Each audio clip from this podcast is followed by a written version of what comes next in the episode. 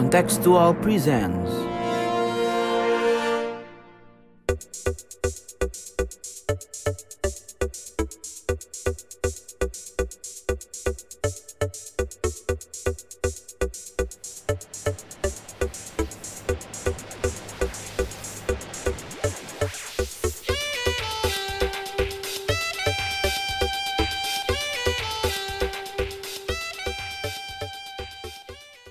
Selamat datang kembali di podcast Kasual. Katanya kontekstual kali ini episode spesial karena gue nggak cuma sama anak-anak kontekstual seperti biasa, tapi ada teman kita dari Himpunan Mahasiswa Ilmu Politik UI HMIP, Pierre Balo. Halo Pierre.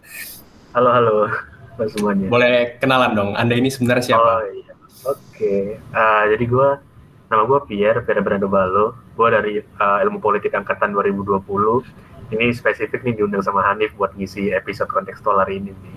Podcast kasual. Asik. Oke oke. Mudah-mudahan dengan hadirnya teman dari ilmu politik kita bisa dapat perspektif baru yang nggak HI HI mulu ya. Soalnya biasanya gua ikhlas Hafiz HI mulu. Jadi kayak biasa episode spesial kali ini eh, kita bakal jawab-jawabin pertanyaan yang udah masuk ke medsos kontekstual dan medsosnya HMIP juga yang udah ditanyain kemarin-kemarin. Eh, thank you banget teman-teman yang udah dengerin kita dan udah nanya-nanya pertanyaan yang masuk udah banyak dan bagus-bagus. Tapi buat yang belum sempat kejawab, kalian masih tetap bisa nanya juga ke eh, IG dan Twitternya kontekstual at kontekstualcom kapan aja di mana aja. Terus buat kalian yang nggak mau ketinggalan berita HI terkini, artikel ilmiah dan opini-opini menarik, sering-sering kunjungi web kita di kontekstual.com dan jangan lupa follow podcast ini podcast kasual di Spotify dan platform podcast lainnya. Kalau buat Pierre mungkin ada yang mau dipromosikan? Ah iya, jangan lupa juga ya follow IG sama Twitternya HMIPU ini. Itu bakal ada kayak info-info menarik juga seputar ya perpolitikan lah gitu. Sip, oke oke oke. Oh ya, seperti biasa pertanyaan yang nanti ada di judul kita bakal dijawab di akhir. Oke, kalau gitu kita masuk aja ke pertanyaan pertanyaannya. Ke pertanyaan pertama dulu. Pertanyaan dari Gilang bin Lukman. Eh, seberapa kiri dalam tanda kutip sebenarnya partai PDIP I- eh, dalam kurung if there's anything definable as left as a leftist party at all in Indonesia. Pierre dulu, gimana Yer? Pertanyaannya menantang banget nih seberapa kiri uh, PDIP sekarang ya. Mungkin gua kasih perspektif dari sisi politiknya ya tentang kepartaian di Indonesia juga. Dan kalau misalnya tadi kan pertanyaan if there's anything definable as uh, leftist party at all in Indonesia gitu. Uh, sebenarnya kalau kita misalnya ngacu dari bukunya uh, Herbert Fate nih yang The Decline of Constitutional Democracy. Nah, itu kan dibilang sebenarnya partai kiri itu yang benar-benar kiri dalam kondisi kontemporer ya, maksudnya setelah pasca reformasi mungkin gitu ya.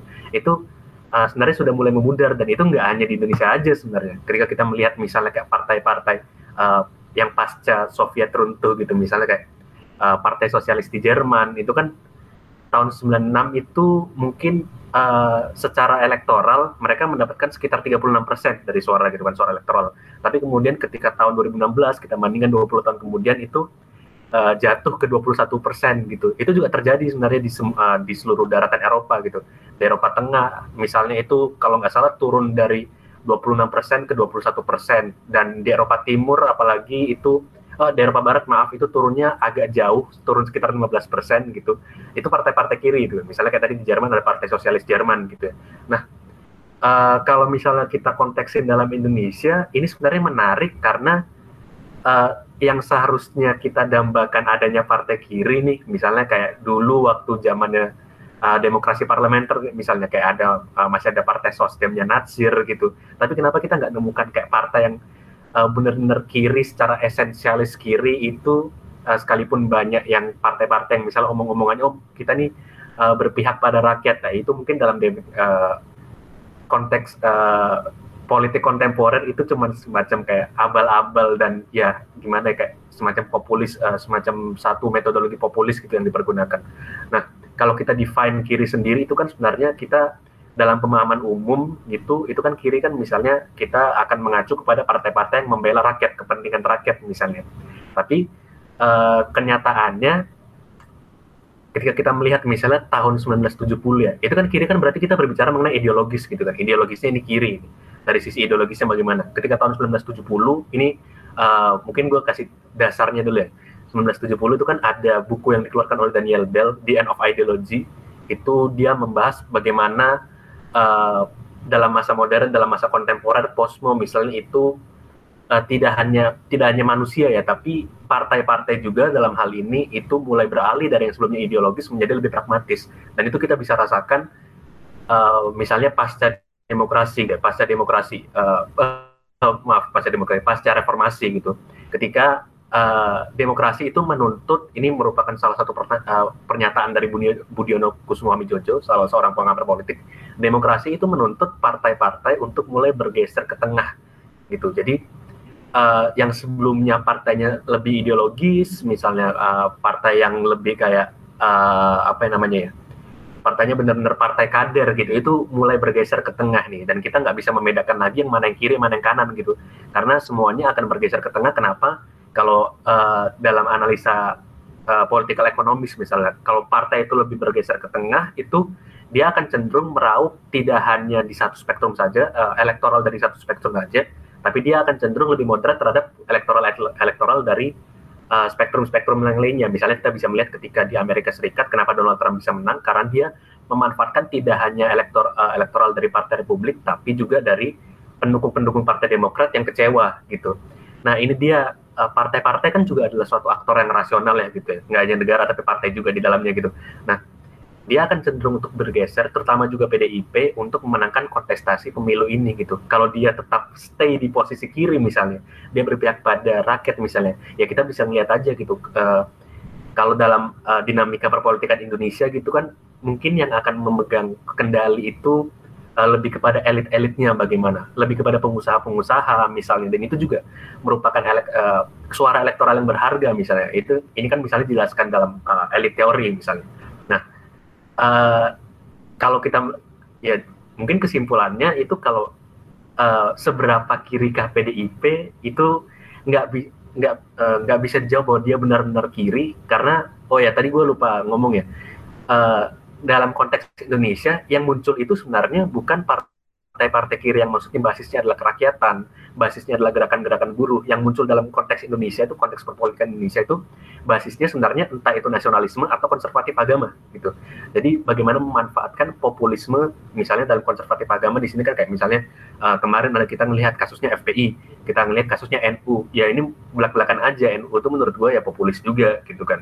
Dan ini lain atau di satu sisi adalah nasionalisme. Jadi bukan kayak perdebatannya bukan lagi yang mana kanan, yang mana kayak uh, benar-benar kayak kapitalis friendly dan yang mana yang kiri yang benar-benar untuk uh, mendorong gerakan-gerakan rakyat, gerakan-gerakan buruh gitu. Uh, kayak misalnya yang terjadi di uh, abad ke-20 ya. Abad 20 itu benar-benar kontestasinya di antara kedua itu, gimana uh, partai kiri dan partai kanan gitu. Tapi kalau misalnya di uh, abad ke-21 ini mungkin yang lebih mencolok adalah bagaimana nasionalisme dan gerakan uh, nasionalisme dan konservatif agama. Jadi kalau misalnya konteksnya di sini kiri itu adalah basisnya kerakyatan, gue bisa bilang kalau ya sebenarnya udah nggak udah kayak nggak ada gitu loh. Udah benar-benar kosong, uh, udah benar-benar nggak ada. Misalnya kita nggak lihat lagi artinya partai guru di sini partai lingkungan itu kan udah benar-benar nggak ada gitu kan. Karena ya uh, para aktor-aktor politik bakal mikir juga ini gue kalau gue misalnya menempatkan diri gue sebagai kiri gue mendorong misalnya konservasi lingkungan dan lain-lain gitu itu seberapa banyak sih misalnya yang mau mendukung gitu? Dan apakah itu bakal menjadi dorongan buat gua buat menang dalam pemilu gitu? Itu kan nggak juga sebenarnya. Yang uh, untuk uh, memenangkan pemilu ya entah lu harus ngambil yang posisinya konservatif agama ini atau enggak yang nasionalisme ini sebenarnya.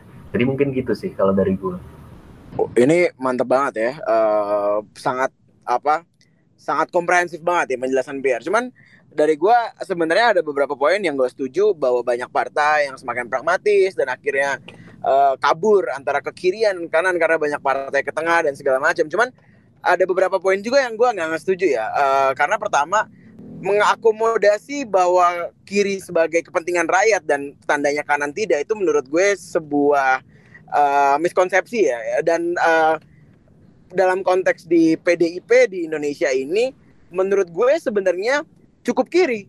Karena memang pada dasarnya sebenarnya partai-partai di Indonesia terlepas dari nafasnya yang nasionalis bahwa di nasionalisme juga ada sayap kiri nasionalis ya uh, ini membuat si partai-partai di Indonesia sebenarnya ada ada rasa kirinya gitu. Dan pragmatismenya itu memang ada juga tapi bukan berarti tidak ada sense of uh, leftishness dalam uh, kebijakan-kebijakan yang ada di uh, Indonesia. Pertama, uh, apa yang kita anggap sebagai kiri dulu nih sebenarnya? Poin-poin apa? Uh, seberapa tinggi pajak misalnya? Atau seberapa tinggi government involvement di uh, sektor kehidupan uh, manusia gitu di sektor kehidupan rakyat? Uh, dibanding kalau di sayap kanan yang less government gitu kan. Kalau gue ngomongnya kayak gitu nih. Nah di Indonesia sebenarnya semua partai cenderung untuk suka suka masuk suka mengintervensi kehidupan permasyarakatan uh, kehidupan kehidupan rakyat dengan banyaknya undang-undang dengan banyaknya peraturan yang menurut gue uh, agak bersilangan dengan uh, privasi dan kebebasan individu. Dan PDIP adalah salah satu partai yang cukup kuat dalam dalam dalam involvement di situ. Itu satu. Kedua, um, di Indonesia kita juga bakal ngomongin soal social uh, welfare program, kita ngomongin juga tax rates yang mana sekarang Indonesia salah satu yang tertinggi untuk corporation dan untuk uh, income tax di Asia Tenggara yang membuktikan sebenarnya Indonesia juga cukup uh, kiri dalam kebijakan pajak compare to let's say Singapura atau mungkin lebih gokil lagi kalau compare to apa uh, negara-negara tax haven ya itu jauh banget. Jadi memang uh, untuk tax rates juga cukup tinggi dan social welfare programnya menurut gue juga cukup komprehensif kayak uh, terlepas dari seberapa kualitasnya ya, tapi ada ke, ada ada mulai ada rasa kewajiban untuk semua rakyat berperan dalam social welfare program di BPJS dan itu menunjukkan bahwa sebenarnya partai yang berkuasa, uh, presiden yang berkuasa dari partai PDIP, sebenarnya punya rasa kekirian itu.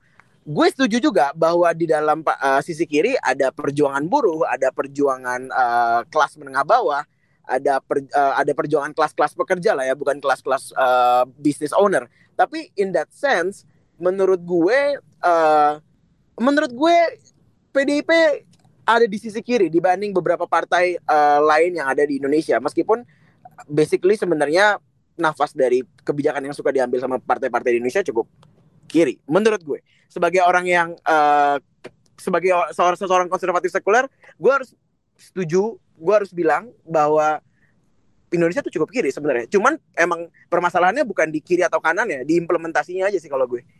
Gitu gue mau na nanya juga sebenarnya. Uh, partai-partai yang partai-partai di Indonesia tuh sebenarnya punya manifesto gitu nggak sih? Kayak kita bisa ngeliat platform platform mereka di berbagai berbagai isu tuh gimana? Karena menurut sepengalaman gue sepembacaan gue tuh ya gue sih belum nemu yang kayak gitu. Jadi apakah partai partai-partai di kiri di Indonesia atau partai kanan di Indonesia itu mereka kiri kebijakan yang mereka keluarkan itu kiri atau kanan itu karena mereka ideologis atau emang karena mereka pragmatis karena gue gak melihat stances di mana-mana gitu kayak asal angin aja ngikut angin. Exactly karena uh, ini berkaitan dengan konstituen kalau menurut gue ya.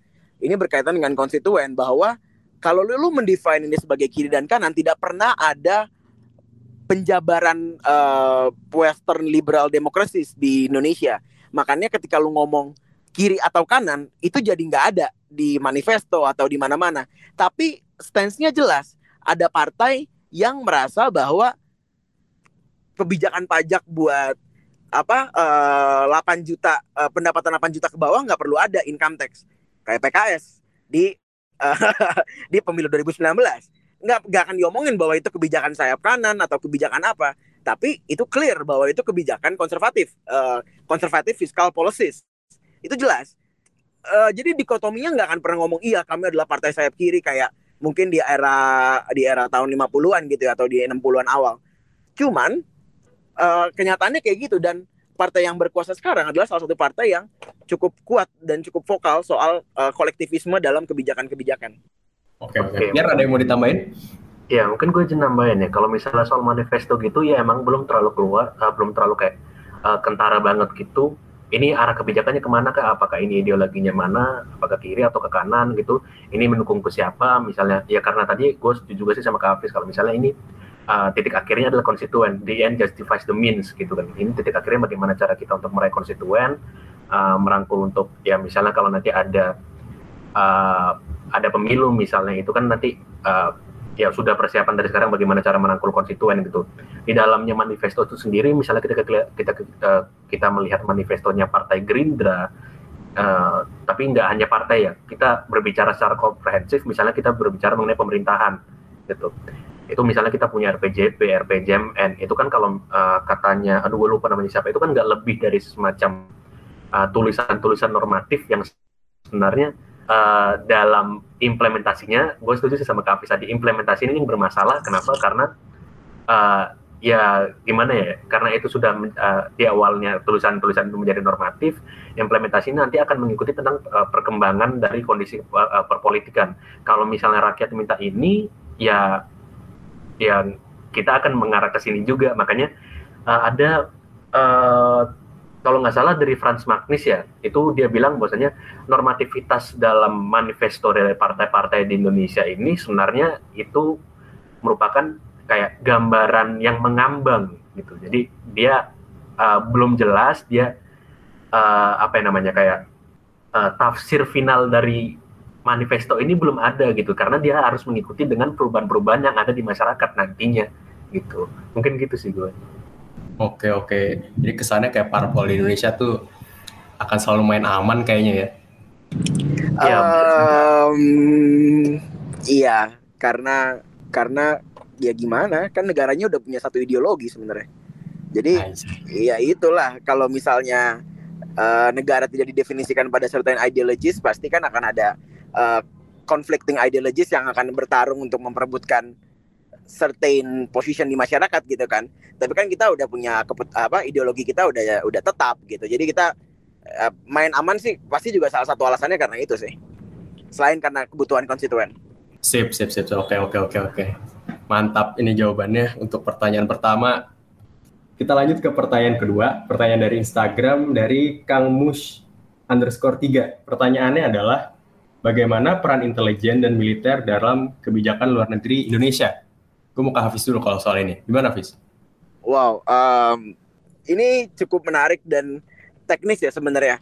Uh, karena jujur kalau gue pribadi gue nggak pernah belajar tentang bagaimana uh, intelligence shapes uh, our foreign policy ya karena ini pasti uh, juga tentunya back channel terus ada apa back channel itu jalur belakang ya maksudnya oh, diskusi di berbagai ruang-ruang rapat yang tentunya gue nggak pernah datengin gitu di Kemlu atau di uh, eh, IPEC yang ada di Sentul gitu ya. Um, tapi kalau misalnya militer sebenarnya lumayan clear cut ya karena uh, militer kita uh, kebijakan luar negerinya di sebenarnya lebih dipegang oleh Kementerian Pertahanan instead of MOFA. Kalau misalnya di Amerika ada Secretary of State, ada yang lebih mengurus uh, urusan tersebut ya tetap barang Ministry of Defense juga sih.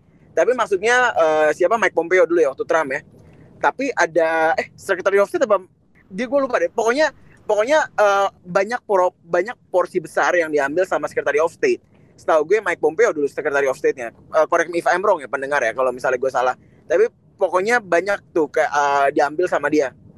Nah, uh, di Indonesia kebijakan karena kebijakan ke militernya sifatnya cenderung lebih ke arah uh, pertahanan kedaulatan, terus domestik, rather than kayak Amerika yang tentunya ingin menjaga hegemonitas globalnya ya. Jadi uh, dalam pengambilan kebijakan luar negeri sebenarnya tidak terlalu um, apa bisa gue bilang tidak terlalu influensial karena um, kebijakan luar negeri Indonesia lebih banyak berurusan dengan ekonomi politik, perdagangan, um, finansial, ya hal-hal uh, dengan hal-hal yang lebih berbau ekonomi politik dan mungkin kultural juga ya sosiokultural.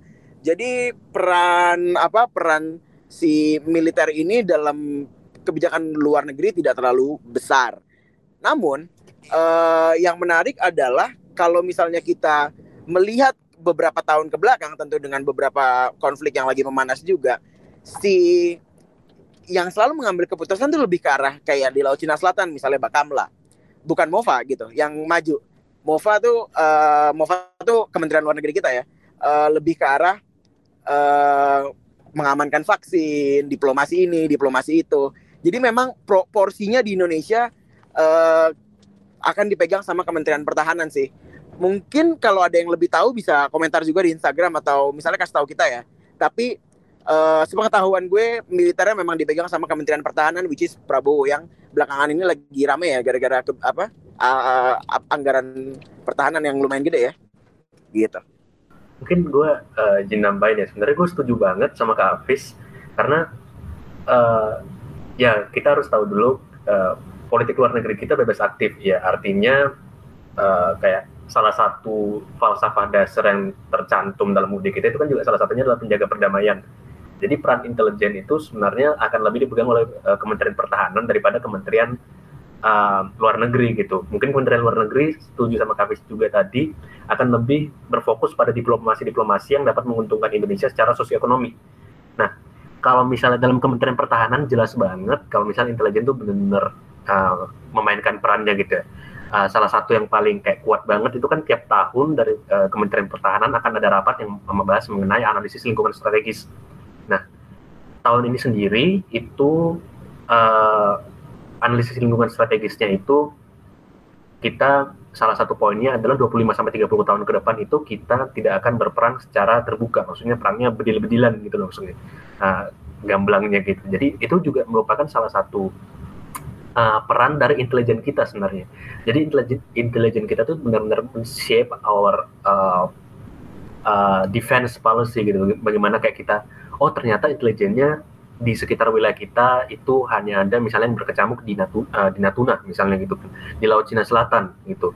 Nah, tapi itu juga uh, hasil dari rekap-rekap data dari intelijen-intelijen ini ya ya gitu. Ini ternyata nggak cukup untuk kita bisa kayak menentukan bahwasanya uh, negara ini dalam kondisi state of emergency misalnya kan gitu yang perlu kita uh, dari hasil intelijen kita uh, dari hasil intelijen yang dimanfaatkan oleh Kementerian Pertahanan itu kita mungkin akan berfokus pada uh, kayak lingkungan domestik aja. Bagaimana meningkatkan kapabilitas dari uh, militer kita kapabilitas dari al, uh, alutsista kita. Dan kemudian kayak uh, bagaimana intelijen ini berperan misalnya dalam revolusi tata kerja Yuda. Ini juga yang penting banget ya untuk dipahami. Misalnya ada uh, suatu konsep baru dalam militer itu uh, mengenai revolusi tata kerja Yuda. Yang mana ini salah satu kapabilitasnya adalah kapabilitas intelijen gitu. Nah, maksudnya revolusi tata kerja Yuda ini adalah bagaimana cara kita uh, mengubah mengubah perspektif dari militer yang sebelumnya itu uh, hanya kuat di ototnya saja gitu ya misalnya gamblangnya kan gitu itu menjadi otaknya. Dan salah satu pilar pentingnya itu adalah uh, kemampuan dan kapabilitas intelijen kita. Jadi akan lebih nyaman kalau misalnya bahas intelijen itu shape our defense policy bukan our foreign uh, foreign policy. Tapi kalau misalnya ada tadi kayak kata Hafiz kalau misalnya ada yang lebih tahu mengenai bagaimana peran intelijen dalam membentuk foreign policy kita itu bisa banget di di share sharing aja gitu Oke oke oke oke. Siapa tahu ada Bin yang lagi dengerin ya. Tolong nah, iya. tahu aja. Pakai akun bot boleh silakan Bin. Oke oke oke. Kita lanjut ke pertanyaan selanjutnya. Ini pertanyaan dari Kompani Muhammad. Pertanyaannya adalah apa itu lingkaran konsentris? Bagaimana susunan skala prioritasnya? Dan mengapa penting bagi Indonesia sehingga dijadikan salah satu pegangan dalam kebijakan luar negeri kita? Dan apakah hasilnya dan bagaimana saran perbaikannya? Silakan Hafiz. Oke. Okay. Uh, ini yang gue tahu dari riset kecil-kecilan sederhana yang gue lakukan ya. Bahwa lingkaran konsentris ini pertama kali dicetuskan oleh Ali Alatas, Menteri Luar Negeri Indonesia era Soeharto. Terus uh, di lingkaran konsentris ini mungkin teman-teman yang dengar juga ada yang baru tahu ya lingkaran konsentris ini makanya gue kasih penjelasan sederhananya adalah dimensi regional yang ada di lingkaran konsentris pertama. Terus ada dimensi organisasional pada posisi Indonesia di organisasi internasional dan uh, dimensi fungsional kayak peran Indonesia. Nah, sejujurnya di era 2021 ini ya di era reformasi ini, gue kayaknya nggak pernah mendengar ada upaya dari MOVA untuk mengemas kebijakan luar negeri kita dalam kerangka lingkaran konsentris ya. Cuman uh, tetap kayaknya ini tetap dipakai sama uh, diplomat-diplomat kita dalam bikin mungkin apa uh, gar, apa garis garis-garis kebijakan dalam satu periode dan segala macam itu masih dipakai tapi tidak secara eksplisit untuk lingkaran konsentris. Contohnya adalah pertama dimensi regional bahwa menurut Ali Alatas dan menurut beberapa analis lain kayak Hansel tadi gue baca juga itu uh, salah satu yang paling ditegaskan adalah ASEAN. Bagaimana peran Indonesia di ASEAN? Karena jelas memang uh, ASEAN adalah sebuah organisasi internasional regional sorry yang dicetuskan di bawah rezim Soeharto. Jadi it only makes sense for him uh, buat Soeharto untuk menggunakan organisasi itu sebagai uh, amunisi politiknya.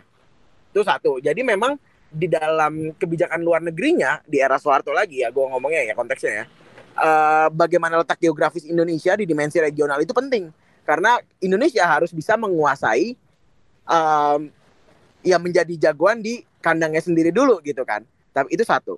Tapi kalau misalnya lu ngomong sekarang, pada saat ini toh ASEAN tidak digunakan oleh Jokowi sebagai kendaraan utamanya.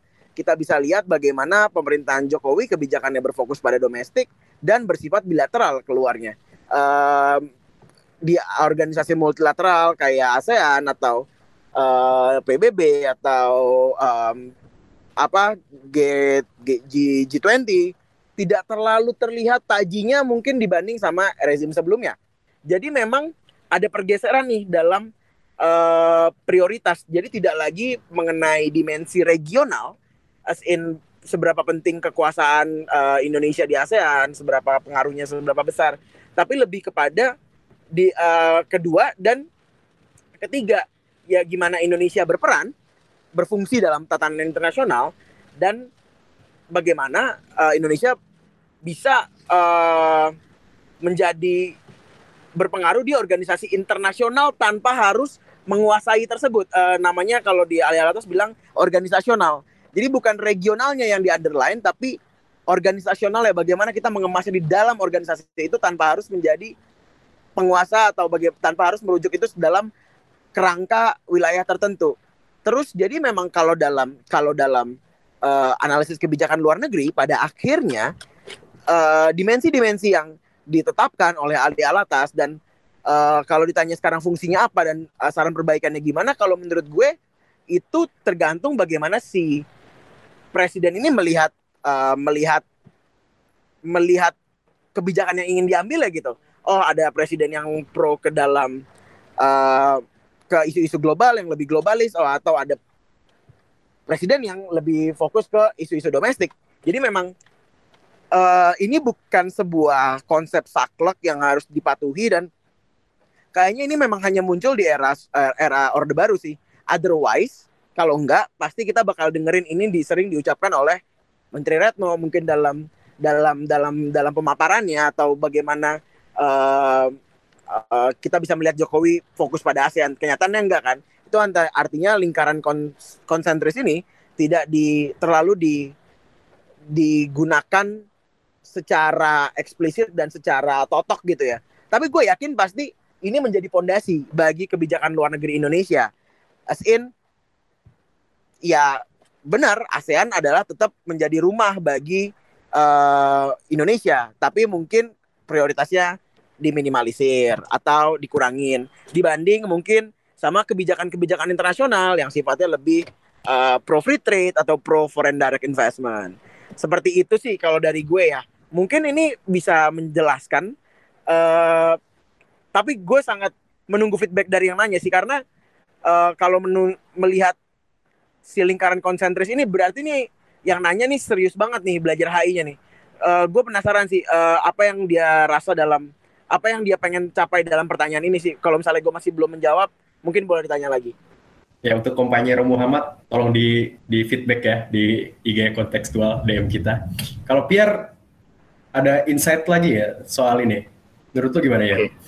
Iya, sebenarnya ini kan kayak lingkaran konsentris ini benar-benar teknis dalam pembahasan mengenai uh, kayak gimana uh, hubungan luar negeri gitu ya. Nah, mungkin disclaimer dulu, gue uh, sebenarnya gue kajian gue itu lebih fokus ke analisis politik domestik daripada politik yang kayak luar negeri gini. Tapi mungkin gue uh, tadi ada satu poin yang gue setuju sama Kak Hafiz itu sebenarnya uh, lingkaran konsentris ini jadi semacam ya bukan menjadi semacam patokan gitu dalam uh, suatu negara dalam uh, dalam hal ini Indonesia misalnya untuk menjalankan kebijakan luar negerinya. Nah, gue mungkin izin buat konteksin ini sedikit dengan uh, pandemi COVID ya mungkin. Uh, karena gue kan juga kayak mungkin lingkaran konsentris ini secara teknis lebih banyak dipergunakan pada rezimnya Soeharto dan karena gue baru hidup di zaman reformasi itu itu kayak diskursus mengenai lingkaran konsentris ini kurang kurang terdengar kurang banyak untuk didiskusikan kalau misalnya gue konteksin dengan uh, pandemi COVID-19 ya. Nah tadi uh, satu poin yang diutarakan sama Kak Hafiz yaitu hubungan luar negeri Indonesia itu lebih fokus kepada bilateral dan uh, kayak per, uh, perdagangan bilateral, ekonomi bilateral gitu daripada kayak kita menentukan ada kayak lingkaran-lingkaran organisasi organisasional dan lain-lain. Misalnya kemarin kita lihat uh, studi kasusnya di KTT ASEAN itu kan kayak uh, yang dihadiri sebenarnya sama pemimpin junta militer Myanmar gitu Min Aung uh, Aung Hlaing. Nah itu kan kayak uh, keputusan yang dihasilkan itu kan kayak tidak terlalu jelas ya bagaimana signifikansinya terhadap kondisi perpolitikan yang ada di Myanmar sekarang. Jadi kayak uh, Indonesia menghadiri misalnya uh, selain KTT ASEAN gitu misalnya uh, konferensi OKI, eh oh, sorry ke OKI, uh, apa ya kemarin yang membahas soal Palestina gitu dan itu kan kayak keputusan yang uh, ininya kurang jelas. Jadi hubungan luar negeri kita sebenarnya ini akan lebih dipengaruhi oleh uh, hubungan-hubungan bilateral ini daripada kita mengkotak-kotakannya dalam misalnya prioritasnya satu uh, cara hubungan regional gimana, organisasional gimana, dan internasional gimana. Memang itu penting, tapi untuk kasus ini gue analisisnya dengan hubungan bilateral aja. Misalnya dalam pan konteks pandemi COVID-19, yang pertama pasti kena yaitu hubungan internasional kita. Karena uh, kalau dalam tulisannya Martin Suryajaya, itu ada empat penunggang hari kiamat dia membicarakan soal uh, kiamat ini uh, konteksnya adalah pandemi COVID-19 ya. Salah satunya adalah uh, deglobalisasi gitu. Jadi gimana caranya dalam pandemi COVID-19 ini negara-negara lebih mementingkan kepentingannya sendiri daripada berusaha untuk menjalin kerjasama internasional demi uh, menyelesaikan pandemi COVID ini bersama-sama misalnya. Uh, itu kan kayak misalnya Indonesia banyak mengambil uh, berhutang dari Cina dan bahkan kayak uh, utang ini utang ke Cina ini sudah benar-benar kayak mengkhawatirkan sebenarnya data terakhir dari tahun 2019 itu sekitar 17,15 uh, uh, miliar dolar AS itu udah sangat banyak sekali tapi itu menunjukkan bagaimana dalam konteks pandemi itu Indonesia lebih mementingkan hubungan bilateralnya dan uh, relevansi dari lingkaran konsentris ini sebenarnya sudah tidak terlalu terasa karena digantikan oleh hubungan-hubungan yang lebih bilateral ini di mana hubungan bilateral ini kan tidak termasuk dalam salah satu cakupan pembahasan lingkaran konsentris. Ini kan nanti tiga ya, bagaimana regional, uh, internasional sama uh, ininya apa apa tadi gue lupa kan satunya. Nah iya mungkin mungkin dari gue gitu sih kayak apa uh, kalau misalnya ada kayak pendapat lain gitu karena gue mungkin kayak kurang cap uh, capable dalam menjelaskan kayak lingkaran konsentris ini. Jadi kalau misalnya ada kayak masukan ini dari teman-teman uh, mungkin bisa banget sih diutarakan gitu. Ya ya ya ya oke oke oke. Ada tambahan bis udah aman dari gue sih cuman uh, eh? yang penting sekarang mungkin instead of mikirin kayak lingkaran konsentris lebih mikir kayak uh, prioritasnya dalam konteks kontemporer ya kayak bener ada pandemi covid kayak yang Pierre bilang tadi ada uh, trade deficit ada berbagai macam hal lah uh, yang disri yang dianggap prioritas oleh rezim sekarang dan kayaknya tidak terlalu mengacu secara eksplisit ya paling nggak pada lingkaran konsentris gitu aja. Nice, oke okay, oke okay, oke. Okay. Moving on, kita pindah ke Eropa Timur. Ini pertanyaan dari asyam.harits09. Pertanyaannya adalah, gimana menurut kalian hubungan antara Rusia dan Belarus? Apakah Belarus hanya berfungsi sebagai buffer state atau memang sekutu yang penting buat Putin? Oke. Okay. Uh, eh, Pierre, Bagaimana lu melihat ini? Mungkin ini kali ya kasih background dikit ya, karena gue juga kurang familiar sama Rusia dan uh, Belarus ini. Oke, okay, Rusia sama Belarus ya. Sebenarnya ini kan pasti akar sejarahnya dari keruntuhan Uni Soviet. Kayak gimana uh, negara-negara yang sebelumnya jadi satelit dari uh, dari Rusia, mana Rusia gitu, itu mulai melepaskan dirinya dari uh, pengaruh dari Soviet sendiri, uh, pengaruh dari uh, Rusia gitu ya, pasca keruntuhan Soviet. Nah, sebenarnya waktu kalau nggak salah tahun uh, waktu Boris Yeltsin masih berkuasa gitu, hubungan dari Belarus sama Rusia ini berusaha buat di uh, diperbaiki lagi. Waktu itu kalau nggak salah yang masih uh, eh, 1994 ya kalau nggak salah ya, itu masih dikuasai oleh Yeltsin Rusia dan hubungannya mulai diperbaiki oleh uh, waktu itu Yeltsin menjalin hubungan dengan kalau nggak salah Lukashenko yang menjadi kayak uh, pemimpin dari Alexander Lukashenko pemimpin dari Belarusia gitu jadi kan uh, kalau nggak salah dia menandatangani suatu uh, perjanjian gitu yang soal uh, ya normatif lah kayak persahabatan integrasi dan lain-lain gitu untuk uh, gimana caranya uh, kayak menjalin kerjasama ke depannya lagi gitu. Nah, baru kemudian pada tahun 2000-an ketika Putin naik, ini dia Belarus uh, Putin itu kan kayak dia visionernya adalah uh, kalau misalnya yang dijelaskan dalam salah, salah satu video Fox gitu ya, kenapa kok uh, Rusia sama Ukraina sekarang masih benar-benar ada konfliknya gitu. Jadi Putin melihatnya ketika Soviet itu runtuh, dia bukan melihat itu dari pandangan masyarakat Barat yang oksidentalis ya, kalau gue bilang itu kayak uh, dia uh, bilang dia bilangnya oh ini ternyata adalah suatu kemajuan bagi demokrasi. Putin melihatnya ketika Soviet runtuh itu merupakan salah satu kehilangan bagi Rusia yang ya Putin juga sedikit-sedikit nasionalisnya juga nasionalis yang garis keras juga terhadap negaranya Rusia itu ditakdirkan untuk menjadi bangsa yang penguasa gitu. Dia juga membawa misalnya sentimen-sentimen historis Rusia itu nggak pernah ditaklukkan sepenuhnya oleh Napoleon oleh Hitler dan lain-lain gitu tuh. Dia melihatnya dari perspektif itu. Jadi mungkin ini yang uh, uh, clear. Jadi dia ngelihat uh, melihatnya ketika Belar ketika Soviet itu runtuh negara-negara satelitnya mulai memisahkan diri termasuk salah satunya Belarus itu dia ngeliatnya oh ternyata Belarus itu sebenarnya harusnya menjadi bagian dari kita gitu. Dan keruntuhan Uni Soviet itu sebenarnya suatu yang sebenarnya pada mulanya itu tidak harus kayak apa ya uh, kayak tidak harus terjadi gitu kan. Nah kemudian uh, uh, tahun 2000 hmm, sejak awal dekade 2000-an itu mulai memanas gitu kan. Mulai uh, kayak sebenarnya uh, tahun 2014 ya mulai memasuki kalau uh, eh, gue loncat kalau karena gue nggak terlalu paham soal uh, dekade 2000-an gitu soal hubungan antara Rusia dan Belarus. Nah, gue loncat ke tahun 2014 ketika perbatasan dari uh, Belarusia dan Rusia itu dihancurkan karena waktu itu ada kayak semacam uh, kayak apa ya kayak upaya aneksasi Belarus kembali oleh uh, pemerintahan Putin gitu dan kayak sebenarnya pada tahun 2017 itu udah mulai kayak uh, diperbaiki lagi karena waktu itu kalau nggak salah ada latihan pelatihan militer bareng gitu. Nah, uh, kemudian kalau nggak salah baru-baru ini tahun 2020 yang gue baca dari beberapa artikel gitu itu hubungannya kembali memanas nih karena uh, Lukashenko ini juga lama juga yang menjabatnya berarti dari tahun udah Boris Yeltsin kemudian kayak berpindah lagi ke Putin itu dia masih menjabat sebenarnya kan uh, kalau nggak salah dia tuh kayak uh, dia menuduh dalam di muka publik itu menuduh kalau misalnya Presiden Putin itu berusaha untuk menganeksasi Belarus kembali gitu menjadi bagiannya gitu. Nah, uh, implikasi dari tuduhan ini yaitu uh, Putin dalam uh, Rusia dalam hal ini Putin itu pemerintahan Putin itu memotong subsidi ekonomi ke Belarusia yang sebenarnya kalau kita melihatnya sekit, hampir sekitar 70 sampai 80 persen dari trade di Belarus itu ditentukannya dengan Rusia gitu karena Belarus kan juga negara kecil gitu kan.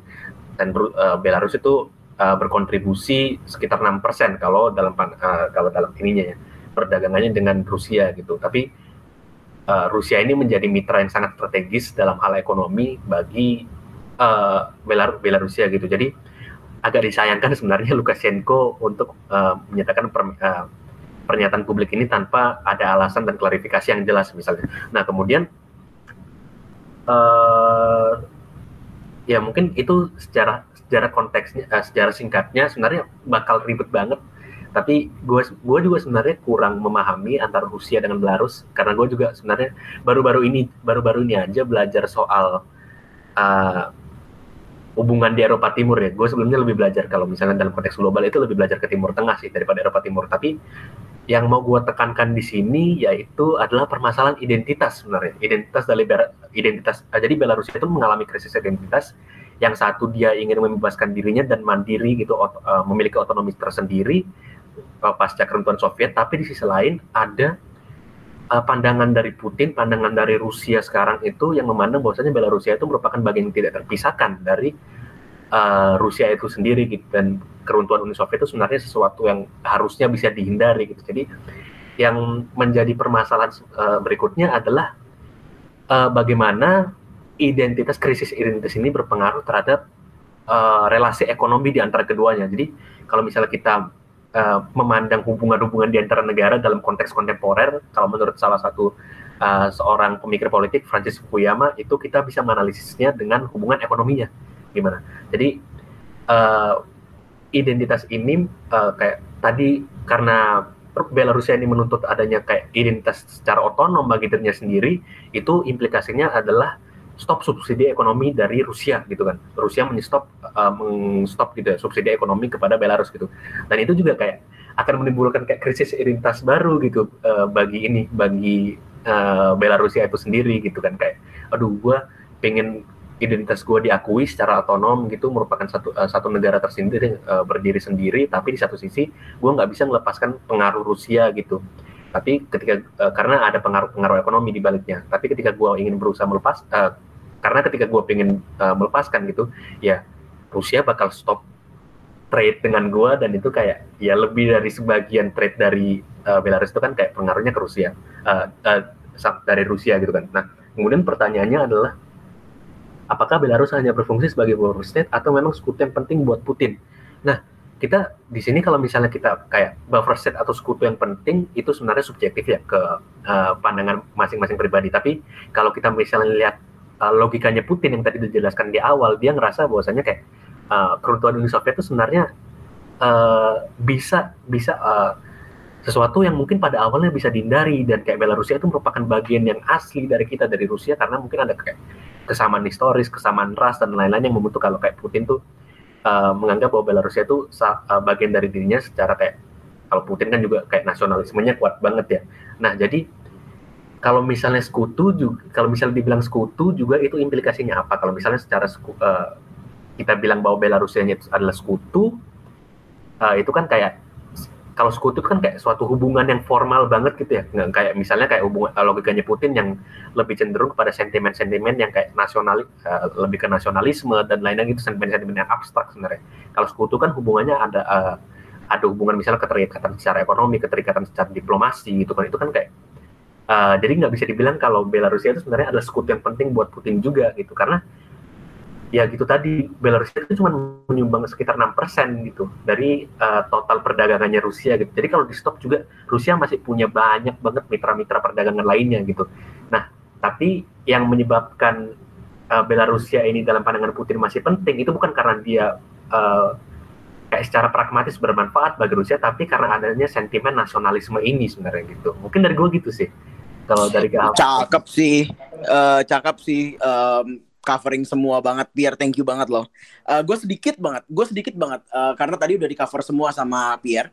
Uh, cuman beberapa poin yang mungkin ditambah dari gue adalah bagaimana uh, memang sebenarnya Putin ini punya uh, punya tendensi untuk berharap apa ya uh, bisa mengembalikan kejayaan terutama di tanah-tanah yang uh, memang masyarakat Rusianya uh, masih sangat kental budaya ya dalam konteks budaya dan mungkin uh, let's say gue ngomong Rusia tuh berarti beda banget sama kayak let's say Tajikistan misalnya gitu atau Kirgistan gitu. Itu kan memang uh, negara yang secara kultural udah beda sama Moskow gitu. Nah ini kulturnya sama dan makanya uh, Lukashenko menjadi partner yang sangat tepat untuk Putin. Karena memang dia juga punya kekuatan dalam mengontrol domestiknya. Uh, bahkan disebut sebagai last dictator in Europe kan? Jadi memang um, tapi kalau gue pribadi uh, sebenarnya ada ke ada kesetaraan dalam Putin memandang Belarus. Dia tidak serta merta untuk mengambil aja tanpa memerhatikan setidaknya tidak mem, tanpa memerhatikan kepentingan dari warga Belarus gitu. Um, Rusia tahu Belarus ketergantungan dengan uh, Rusia, tapi menurut gue terlepas ini gue gue bukan membela Lukashenko ya. Lukashenko uh, adalah otoriter dan gue mengutuk otoritarian. Tapi Lukashenko punya kemampuan untuk play it cool with Putin sampai Putin respect terhadap Belarus. Dan itu membuat menurut gue yang membuat Rusia dan Belarus terla, terasa seperti un, union tapi masih tidak union tapi punya akses yang serupa tapi uh, berbeda negara. Jadi di situ sih um, di situ sih letak bagaimana Lukashenko play very well dengan Putin sehingga uh, sampai saat ini Belarus pun tidak dilihat sebagai lumbung uang atau lumbung eksploitasi tapi lebih dianggap sebagai partner di yang membuat Rusia juga uh, flourish, yang membuat Rusia juga prosper, tapi juga at the same time bisa membuat Belarus uh, mendapatkan keuntungannya juga. Ini dari perspektif uh, politikal ya. Tapi memang kalau dari perspektif demokrasi, tentu saya uh, mengutuk otoritarian. Nice, nice, nice, nice. Oke, oke, oke. Ini sangat membuka cakrawala gue soal Eropa Timur ya. Oke, kalau gitu kita bisa lanjut ke last question, pertanyaan terakhir. Dari Kang Mush underscore 3 lagi. Pertanyaannya adalah, dalam demokrasi yang quote-unquote radikal, apakah penamparan yang dilakukan warga terhadap Presiden Prancis Emmanuel Macron itu bisa disebut sebagai kebebasan berekspresi? Ini lucu ya videonya. Macron ditabok mukanya. Gue mau ke Hafiz dulu. Menurut lu gimana, Hafiz? Simple. Demokrasi berkaitan dengan HAM. Demokrasi berkaitan dengan bagaimana kita respect terhadap orang lain. Menurut gue, uh, batasan gue apa sih uh, hak asasi manusia? tidak membuat orang lain terluka, tidak membuat orang lain terluka secara fisik.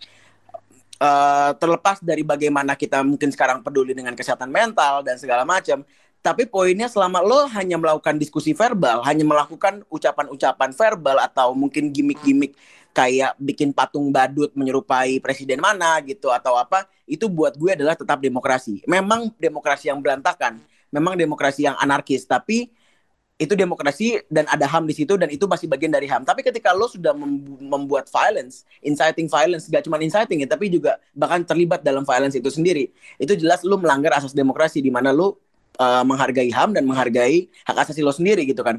Hak datang dengan hak datang dengan tanggung jawab. Kalau lo nggak bisa melaksanakan tanggung jawab lo sebagai seorang yang uh, merdeka dalam kerangka demokrasi dan lo malah mm, mengambil hak orang lain dengan memberikan violence terhadap fisik, walaupun itu hanya sekedar menampar ya, itu menurut gue bukan part of demokrasi yang bertanggung jawab, bahkan bukan part of demokrasi. Tapi selama lo um, masih hanya dalam tatanan hinaan verbal, ini juga recent events lagi seru nih ya ngomongin hina-hinaan di negara kita ya. Tapi menurut gue selama itu masih verbal, selama itu tidak inciting violence, selama itu tidak membuat kerusakan atau kerugian pada siapa pun, menurut gue itu demokrasi.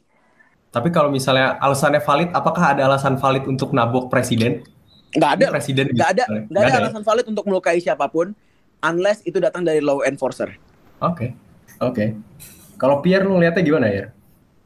Ya, sebenarnya kalau gue sendiri sih uh, setuju tadi ya sama pertanyaan uh, pernyataan awalnya ke Hafiz kalau demokrasi itu politiknya berbasiskan hak, berbasiskan hak gitu. Nah, ini karena di, uh, pertanyaannya adalah dalam demokrasi quote and quote radikal ya itu apakah uh, penamparan yang dilakukan terhadap seorang kepala negara dan kepala uh, kepala negara dalam hal ini itu adalah merupakan bagian dari kebebasan berekspresi. Nah, kalau demokrasi yang radikal itu kan mungkin salah satu uh, kayak seseorang yang benar-benar uh, demokrat radikal itu misalnya gue bawa di sini adalah Jacques Rancière gitu kan, Jacques Rancière gitu kan.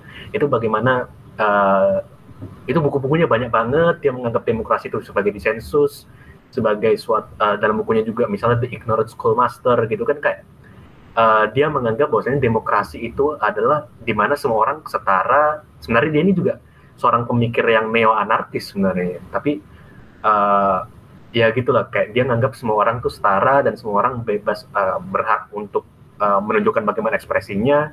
Semua orang berhak untuk didengar dan dia menolak semua tatanan sosial yang basisnya adalah arke arke politik. Itu maksudnya tatanan sosial yang didasarkan pada bentuk-bentuk meritokrasi, pada basis-basis oligarki gitu, yang cenderung untuk uh, mereduksi nggak hanya dari sisi kemanusiaan, tapi dari sisi politik dari apa yang dibilang oleh Rancière sebagai the wrong. Kayak the wrong itu orang-orang misalnya rakyat-rakyat biasa dalam konteks ini misalnya yang menampar uh, Macron ini orang-orang biasa yang dia cenderung akan disisihkan dari tatanan yang ada gitu uh, kalau kita melihat misalnya kenapa kok uh, alasan dibalik dia menampar ini sebenarnya kalau kita uh, uh, nganggapnya sebagai ya kita di Indonesia misalnya atau enggak mungkin kayak kita enggak setuju apa pun dengan Macron secara uh, kayak secara pemerintahannya gitu ya kita menganggap penyerangan terhadap dirinya secara personal dalam hal ini kayak penamparan itu sebagai sesuatu yang tidak etis gitu. Tapi kalau menurutnya Ransier ya sesuatu itu sekalipun tidak etis, tidak etis dilegalkan karena kalau misalnya kita mengacu ada bukunya Rancière The Ignorance Co-Master, kebodohan itu adalah hak dalam demokrasi gitu. Kita nganggapnya oh kita nampar seorang kepala negara itu sesuatu yang bodoh gitu. Ya dia bagaimanapun juga seorang kepala negara yang harus dihormati gitu kan. Dan menampar dia, melakukan penyerangan terhadap dia itu sebagai sesuatu yang bodoh.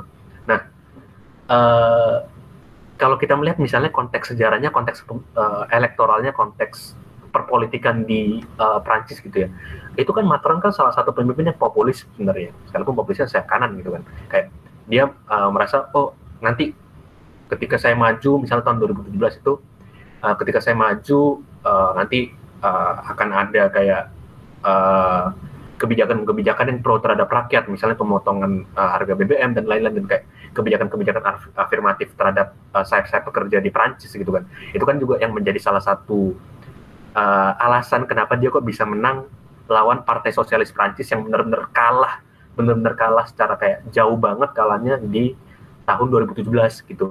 Nah, tapi ternyata dalam implementasinya ya kita bisa melihat kalau misalnya uh, dia uh, Macron ternyata mengimplementasikan kebijakan-kebijakan yang cenderung pro terhadap investasi asing misalnya terhadap kelas-kelas pengusaha alih-alih dari kelas menengah ke bawah gitu. Dia kayak kalau dalam bahasa eh, kalau dalam konteks Indonesia misalnya kayak menerapkan tax amnesty gitu terhadap pengusaha dia kayak uh, banyak lah kayak kebijakan-kebijakan yang pro terhadap ya sayap kanan gitu.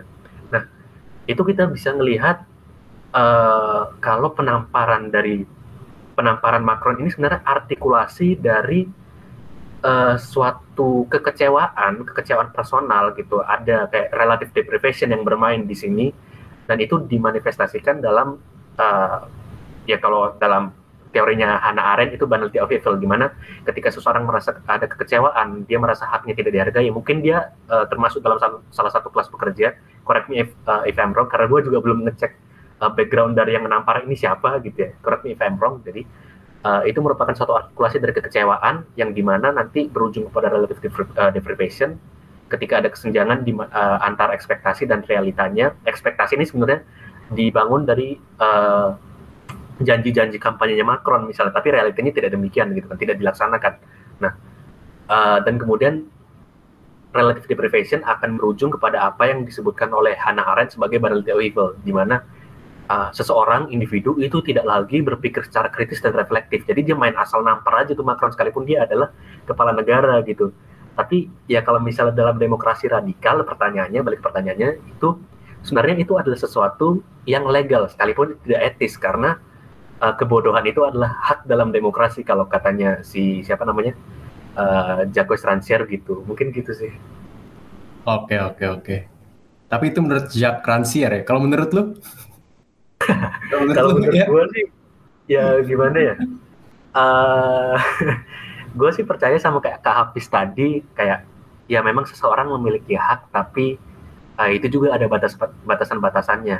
Ya mungkin ini kayak cenderung akan kantian banget gitu ya kayak ada batasan-batasan moral terhadap satu uh, tindakan tertentu gitu ya. Dan memang uh, menampar seorang kepala negara itu sudah jauh melewati batasan moral tersebut gitu sebenarnya kalau dari gue gitu sih sebenarnya gue juga jarang banget setuju sama Rancière sebenarnya tapi bagus aja sih memahami pemikiran-pemikirannya apalagi konteksnya yang dibahas ini kan demokrasi radikal gitu. Iya sih, iya sih, iya sih. Seru, seru, seru, seru. Oke lah, kita cukupkan lah ya. Keren, keren, keren, keren. Asik, ini, asik. Oke. Okay. Ini biar apa mau kita tetapkan saja biar. Ayo. Nah. Susah sudah. Gue, eh, tapi gue appreciate sama risetnya Pierre sih, oke okay banget. Gokil, gokil. Thank you, thank you. Oke, okay, oke. Okay. Uh, eh, kalau begitu, pertanyaan soal penamparan Presiden Macron tadi menutup episode kasual, episode spesial podcast kasual kali ini bersama Pierre dari uh, jurusan ilmu politik UI. Buat teman-teman yang masih belum puas dengan jawaban kita tadi, bisa terus mention atau komen atau DM IG kita dan Twitter kita di @kontekstualcom.